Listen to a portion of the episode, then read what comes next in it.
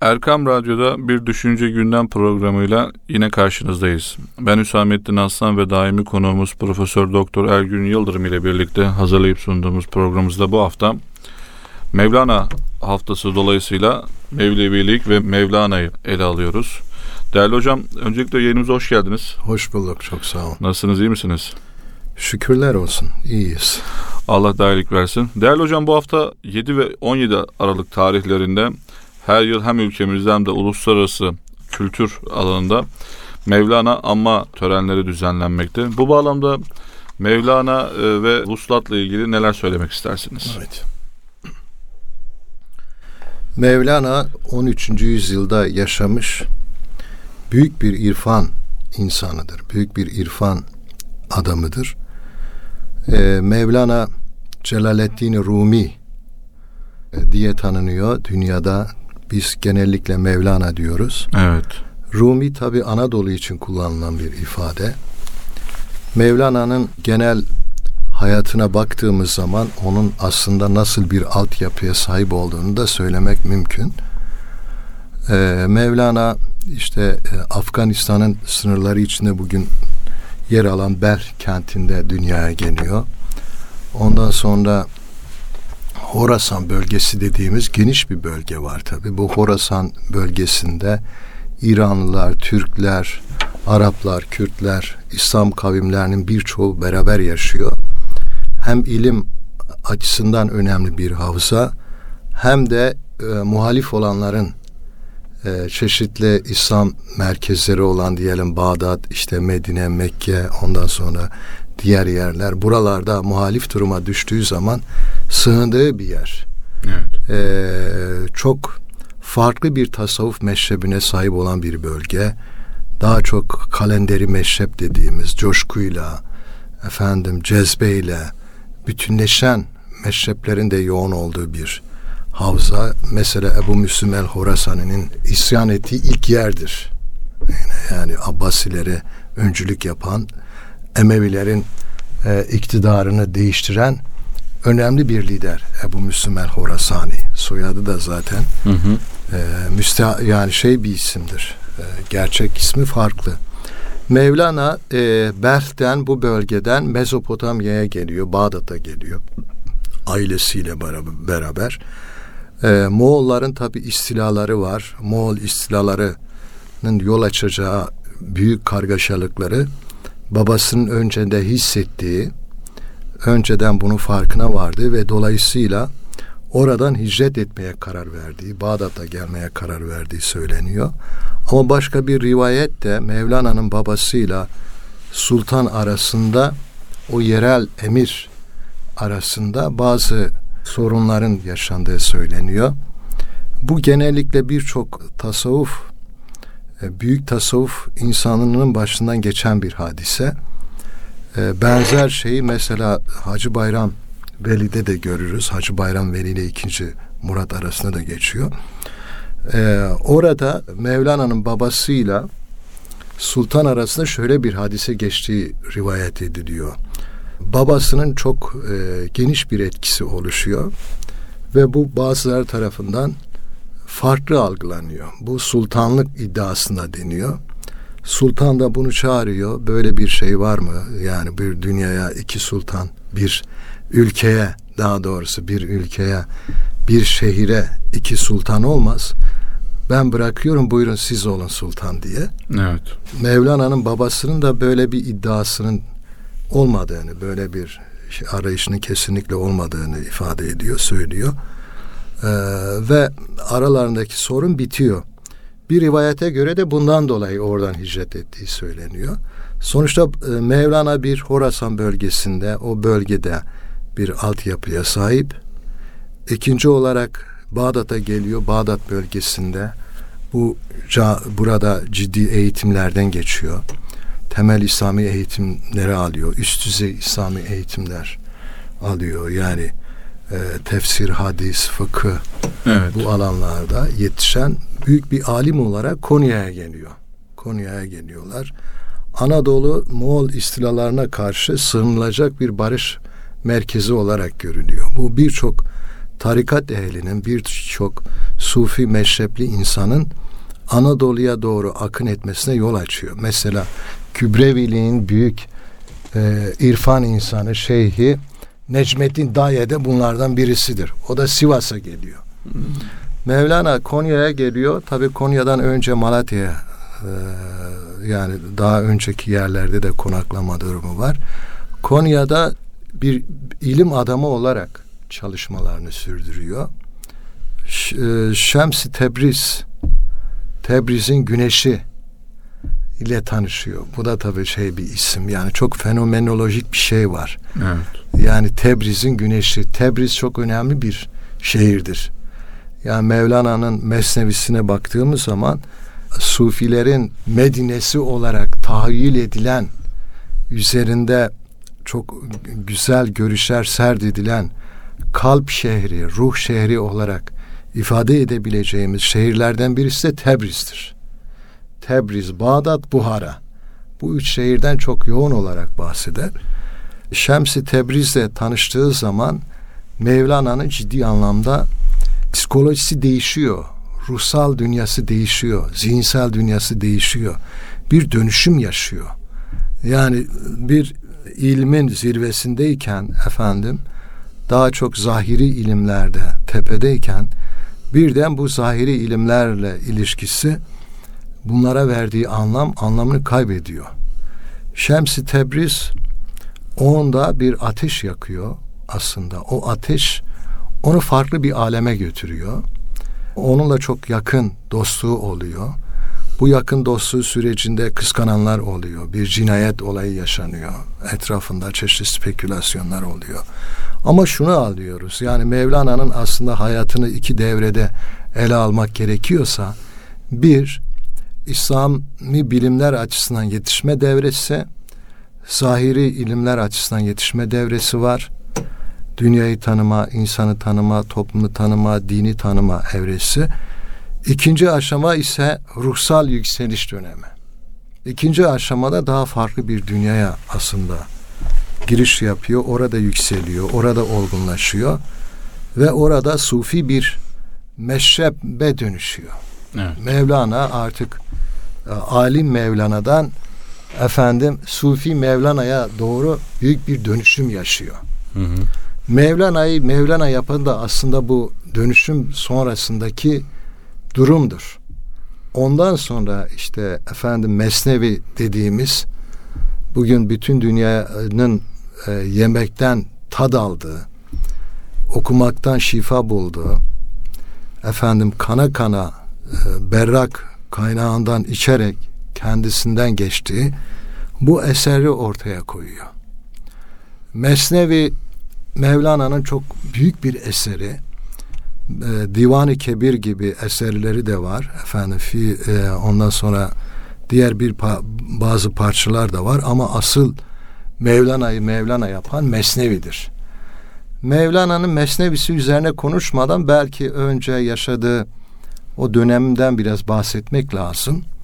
Moğolların istilası geliyor. O Anadolu'ya da geliyor. Sadece evet. oralarda kalmıyor. Hatta hocam Moğollar Babasının istila ederken diyorlar ki işte şey Mevlana orada olduğu için işte e, oraya evet, girmedi, şimdi, işgal etmedi şeklinde değerlendirmeler var. Şimdi şöyle bir şey var tabii. Yani Mevlana burada e, Mevlana e, meşrep olarak kılıç ehli bir insan değil o kılıcını nefse çekmiş olan bir insan. Evet. Cihadını nefis üzerine yoğunlaştırmış olan bir irfan ehli. Hele hele yani e, her tarafın Moğollar tarafından tarumar edildiği bir dönemde toplumun, insanların, ruhların e, harabeye çevrildiği bir dönemde ruhu teskin etmeye, ruhu yeniden kurmaya kendisine adaması da çok önemli bir şey asker ehli değil yani Mevlana tabii ki. Derviş mücahitler de var. O onlar ayrı ama Mevlana'nın meşrebi bu değildir. Mevlana ruhları e, ihya ediyor. Harabeye dönüşen bu toplumun ruh dünyasını yeniden kurmaya çalışıyor. Toplum kuruluşunun aslında ruh cephesini temsil eden büyük bir insan. Ve bundan dolayı Moğollarla da bir çatışması olmuyor. Evet. Moğollar da kendisine tehdit olarak görmüyorlar. Kılıca yönelmedikleri için tehdit olarak görmüyorlar. Başka aydınlanmamış ilişkiler de olabilir. Çok yanlış spekülasyonlar yapılıyor. Ya bir bilim adamı efendim Mevlana'yı bu bilim adamı sadece değil açık söyleyelim. Mikail miydi? Mikail Bayram mı? Bir profesör ismini şu an bak doğru da söylemekte zorlanıyorum. Onun bazı spekülasyonları vardı. Onları okudum. Bunlar Moğol ajanı diye Mevlana'ya iftirada bulunuyorlar. Halil İnalcık gibi Türkiye'de büyük bir tarihçi kalkıp Mevlana ile ilgili efendim Fars kültürünün hayranı ve Moğol işbirlikçisi gibi yakışıksız laflar etti. Hmm. Bakın insanlar nerede bilimde ne olurlarsa olsunlar masum olamazlar. Hata yapabilirler. İşte Halil İnalcık son dönemlerde Türkiye'de çok popüler hale geldi. Ama iki konuda çok ciddi yanlış şeyler söyledi. Bir tanesi e, Cumhuriyet ideolojisiyle ilgili değerlendirmelerde, ikincisi Mevlana ile ilgili değerlendirmelerde. Mevlana'yı Fars kültürünün hayranı diye tanımlamak çok büyük bir cehalet açıkçası. Çünkü bütün bir İslam toplumlarında Farsça edebiyatın dilidir efendim. Biz bu Farsçayı kaldırırsak ne hafız olur, ne Beyazid-i Bestami olur, ne efendi Fahrettin şey Attar olur, ne e, ne bileyim birçok büyük İslam alimini, büyük is, e, irfan ehlini kaldırıp atmamız lazım. Bu tamamıyla milliyetçi bir bilincin tezahürüdür. Onunla bakmadır. Zaten Halil İnalcık da Dil Tarif Coğrafya Fakültesine yetişmiş olan birisidir. Daha sonra Osmanlı çalışmalarına yöneliyor. Bunu da hatırlama hatırlatmak lazım. Mevlana Farsça ile tabii ki yazıyor. Çünkü Farsça İslam toplumlarında edebiyat dili olarak benimseniyor. Osmanlı toplumu da bunu benimsiyor. Osmanlı da buna saygı duyuyor. Osmanlı'nın son efendim şeyhlerin şeyhi Erbilli Esat Efendi de divanını bazı yazdıklarını Farsça yazar. Bu büyük bir gelenektir. Bu geleneğe saygılı olmak lazım. Hiçbir zaman da efendim Erbil'le Esat Efendi kalktı Fars hayranı olmadı. Diğerleri de için de aynı şey geçerli. Farsça yazmış diye, Farsça ile bunları ifade etmiş diye onlara Fars e, hayranı demek bir cehalet. Nitekim Mevlevi tekkeleri Osmanlı'da yaygın olan tekkeler ve Mevlevilik kurumsal olarak Anadolu'da kurulur. Anadolu'da efendim Balkanlara yayılır. Anadolu'da Mezopotamya'ya yayılır. Anadolu'dan Kahire'ye yayılır.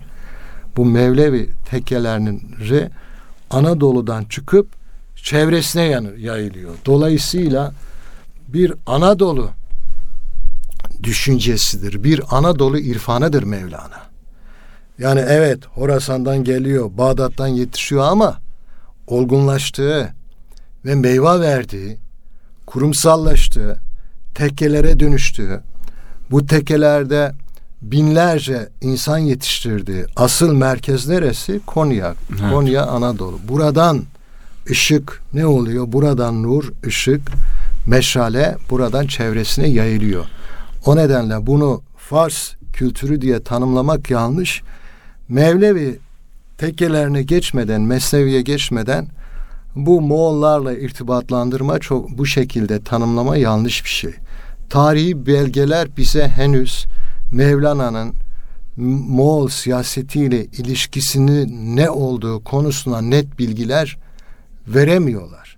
Belki de bunlar zamanla arşivlerden ortaya çıkacak. Bilemiyoruz. Bir de çok eski bir dönem Fakat, olduğu için. Tabii yani, 13. yüzyıl evet çıkabilir de fakat şunu anlıyoruz ki Mevlana sonuçta Moğolların yakıp yıkan gazaplarında gazaplarından Müslümanları korumak istiyor. Onları kollamak istiyor. O nedenle bir takım görüşmeler yapmış olabilir. O nedenle onlara karşı kılıç çekme yerine bu gazaplarından Müslümanları olabildiğince korumak için sessiz durmuş ve onların ruh cephesini ihya etmeyi tercih etmiştir. İbni Haldun da Timur'la görüşür mesela. Bağdat'ta bir sene Timur'la beraber yaşar. Ve İbn Haldun hatıratında Timur'un o Bağdat'taki kubbeleri yakarken camileri nasıl çirkin bir manzaraya yol açtığını söyler. Ama kalkıp Timur'la da savaşacak bir konumda değil. Diplomat bir insan diplomatik ilişkilerde bulunuyor. Sonra Timur'un hoşuna gidiyor ve bazı şeyleri de engelliyor. Böyle bir tutum var bir de. Yani evet. insanların ilişkilerine yüzeysel, zahiri olarak bakıp değerlendirmek yeterli değil. Bu ilişkilerin muhtevasını bilmek gerekiyor. Mevlana'nın da siyasi ilişkileri konusunda çok net bilgilerimiz olmadığı için genel değerlendirmelerde bulunuyoruz. Ama biz Mevlana'nın ruh cephesinde, kültür cephesinde, fikir cephesinde, irfan cephesinde yaptıklarına baktığımız zaman o hakikaten bir Anadolu güneşidir. Konya'dan yükselen, doğan ve dediğim gibi farklı coğrafyalara Osmanlı'nın yayılışıyla beraber yayılan ve daha sonra dünyaya bugün adeta bu güneş dünyaya kendi sıcaklığını, kendi ışığını yaymaya başlamış durumda. Bu şekilde görmek lazım. Şimdi Mevlana'nın Mesnevilesinden bahsedecek olursak Mesnevi çeşitli defterlerden oluşmuş. Bugün hı hı. altı cilt olarak Milli Eğitim Bakanlığı bastırmış. Daha sonra bir kısmını bunlar birleştirmiş. Önemli değil. Bu defterler, yedi defter deniyor bazıları tarafından. Bu defterler bu mesnevilerde ortaya konulan ana görüş nedir? Evet. İşlenen görüş nedir? Mevlana işit diye başlıyor. İşit. İnsanın işitmesini istiyor. Yani Allah da kitabında e, oku diye. Yani şey oku e, Hira mağarasında, Hira mağarasında peygamber, peygambere evet. oku diyor. Evet. Böyle başlıyor doğru. Ama kitabında da mesela işte göre, görmekten bahsediyor. Duymaktan bahsediyor. Hissetmekten bahsediyor. Hmm. Yani gö, bakarlar ama görmezler. Duyarlar ama işitmezler. Tamam böyle bir hitap Kur'an'da yoğun bir biçimde var. Kalpleri var ama kalpleri hissetmez. Kulakları var ama kulakları duymaz. Kulak fizyolojik olarak duyabilir de bir de anlam olarak duyabiliyor mu bakın bakalım. Mevlana işit diyor ve ne ile başlıyor? Ney burada çok büyük bir sembol hikayesi var ayrıntılı olarak. Ondan sonra bu Mesnevi'de baştan sona aslında insanın ruhunu ihya eden, insana şifa veren çeşitli konular üzerinde durulur. İlahi aşk üzerinde durur, efendim dostluk üzerinde durur, iman üzerinde durur, yol üzerinde durur, ee, birçok konular üzerinde durur. İnsanın hangi çağda, insan hangi çağda yaşarsa yaşasın, olmazsa olmaz olan yönleri neyse onlar üzerinde duruyor. Onlardan bahsediyor. Bununla ilgili Bu nedenle, bir, bir parantez açabilir misiniz? Efendim? Bir, kısa bir değinebilir misiniz? Dediniz ya neyden bahsediyor?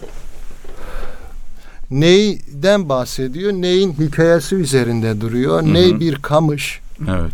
Ondan sonra o kamış herhangi bir kamış fakat o kamış ondan sonra kesiliyor. Ondan sonra delikleri açılıyor ve bambaşka bir ses çıkıyor bu kamıştan.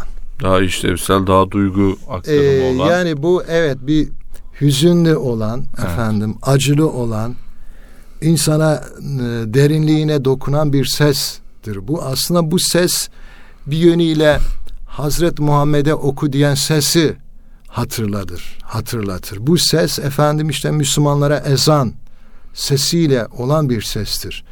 Ee, ses Kur'an yazıya geçmeden önceki ilk biçimidir. Evet. İlahi olanla birlikte olan bir şeydir ses aslında. Bu ilahi olan ses de kamışta yerleşmiştir. Bununla ilgili farklı açıklamalar var. Haklısınız. Ee, farklı yorumlar var ama ne Mevlevi geleneğinde çok temel bir alet olmuş, çok temel bir şey olmuş. Büyük neyzenler yetişmiştir ve bu büyük neyzenlerle Mevlevilik ses de insanların kalbine dokunmaya devam etmiş. Hocam e, burada kısa bir ara verelim. Aradan sonra Mevlevilik ve neyin sesleri üzerinden yapmış olduğunuz değerlendirmeye devam edelim. Değerli dinleyiciler programımıza kısa bir ara veriyoruz. Aradan sonra Mevlana, Mevlevilik konusunu değerli hocamız Ergün Yıldırım ile birlikte değerlendirmeye devam edeceğiz. Huzur bulacağınız ve huzurla dinleyeceğiniz bir frekans. Erkam Radyo, Kalbin Sesi. Değerli dinleyiciler programımıza kaldığımız yerden devam ediyoruz. Programımızın ilk bölümünde Mevlana'nın Afganistan'dan Mezopotamya, oradan da Anadolu'ya gelişini değerli hocamız Ergün Yıldırım ile birlikte bir zaman tüneli içerisinde ele aldık. Programımızın yine bu bölümünde Türk İslam dünyasının en büyük mutasıflarından olan Mevlana Celaleddin Rumi'nin 746. Vuslat Yıl Dönümü vesilesiyle hem Mevlana'nın düşüncesi hem Mevlevilik konularını değerli hocamla ele almaya çalışacağız. Hocam e, programımızın ilk bölümünde ney bölümünde kalmıştık. Evet. E, oradan devam ederek konuya geçebiliriz. Şimdi tekrar özetlersek ney aslında insanı kamili anlatan bir imge. İnsanı kamil tasavvufta en üst mertebeye sahip olan bir kişilik modelidir. Sufilerin de olmak istedikleri, kavuşmak istedikleri seviye budur seyri sülük tamamen buna kavuşmayı anlatan bir eğitim modelidir, bir pedagojidir. Ney bir kamış kesilerek yapılıyor ve e, o kamıştan gelmesi efendim işte kamışlar balçıklı olan yerlerde yetişirler ve daha sonra bu kesilir, daha sonra bu işte ısıtılır, ondan sonra delikleri açılır vesaire üflenir. Üflenince feryadı çıkar ortaya. Aslında hmm. bu ayrılışı anlatan bir feryat. Kamışlıktan ayrılmıştır. Ondan sonra balçık olandan ayrılmıştır. Batini olarak da insanın aslında yeryüzüne düşüşünü, ilk cennetten ayrılışını anlatan bir şeydir. Dünya insana aslında bir kafestir ilk cennetten buraya sürgün gelmiştir insan ve sürekli o ilk cennetin özlemini duyar. Evet. Onu hisseder. Tekrar ona kavuşmaya çalışır, tekrar ona gitmeye çalışır.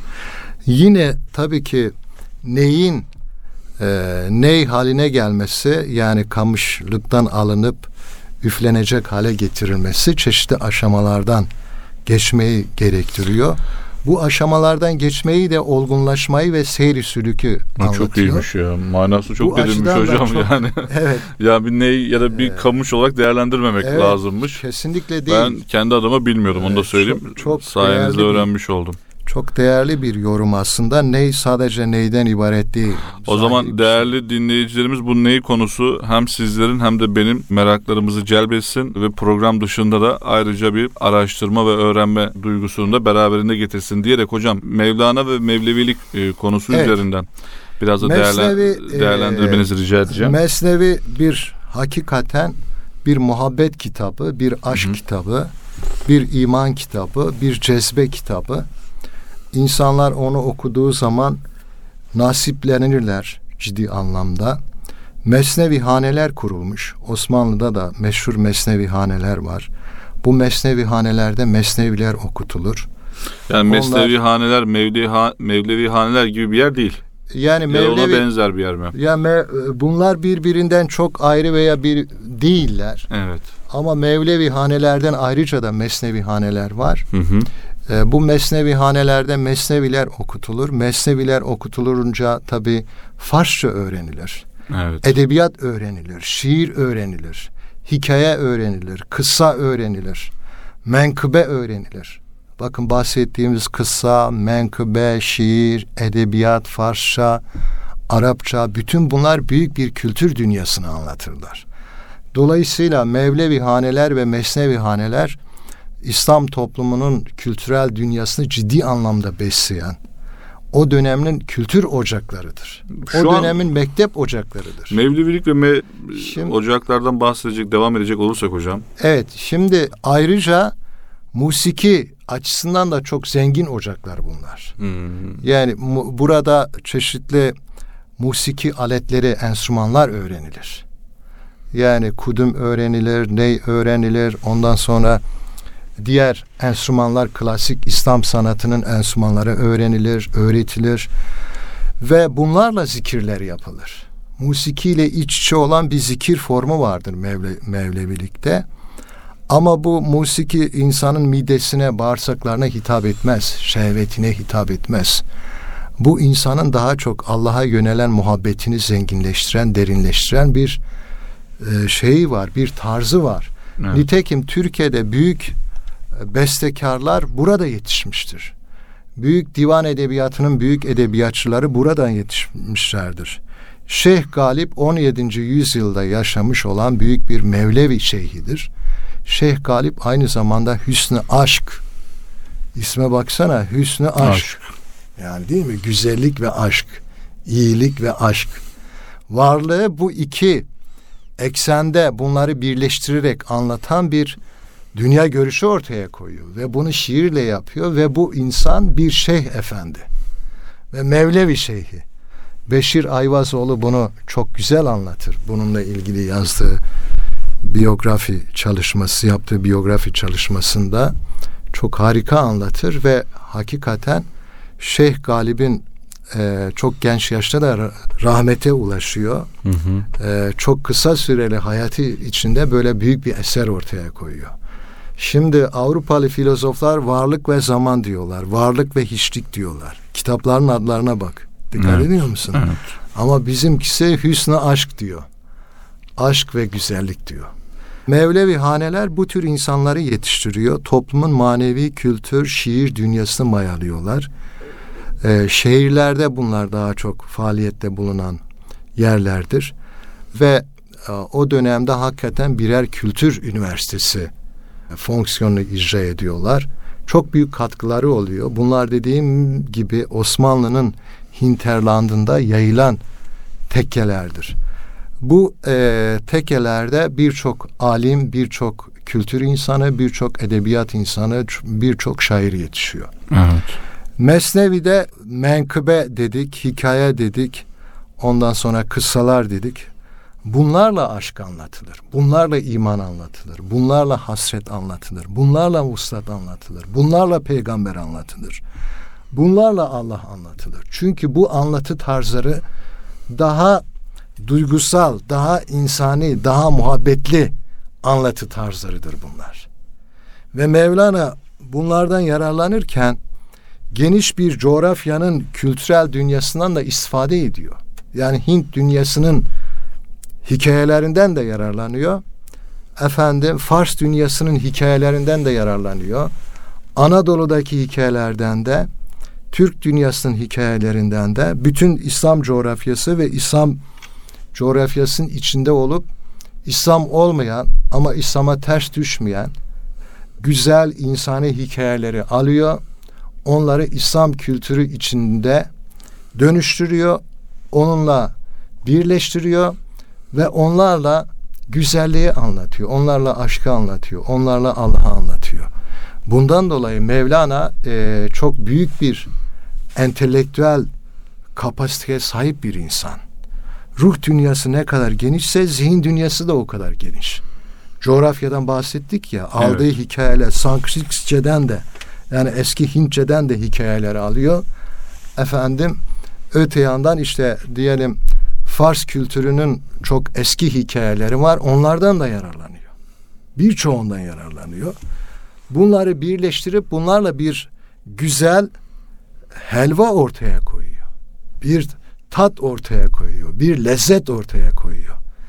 Bu bedene hitap eden bir lezzet değil, bu ruha hitap eden bir lezzet. Bu zihne hitap eden bir lezzet. Bundan dolayı bugün dünyanın birçok farklı insanları Mesnevi alıyor ve ondan yararlanmaya çalışıyor.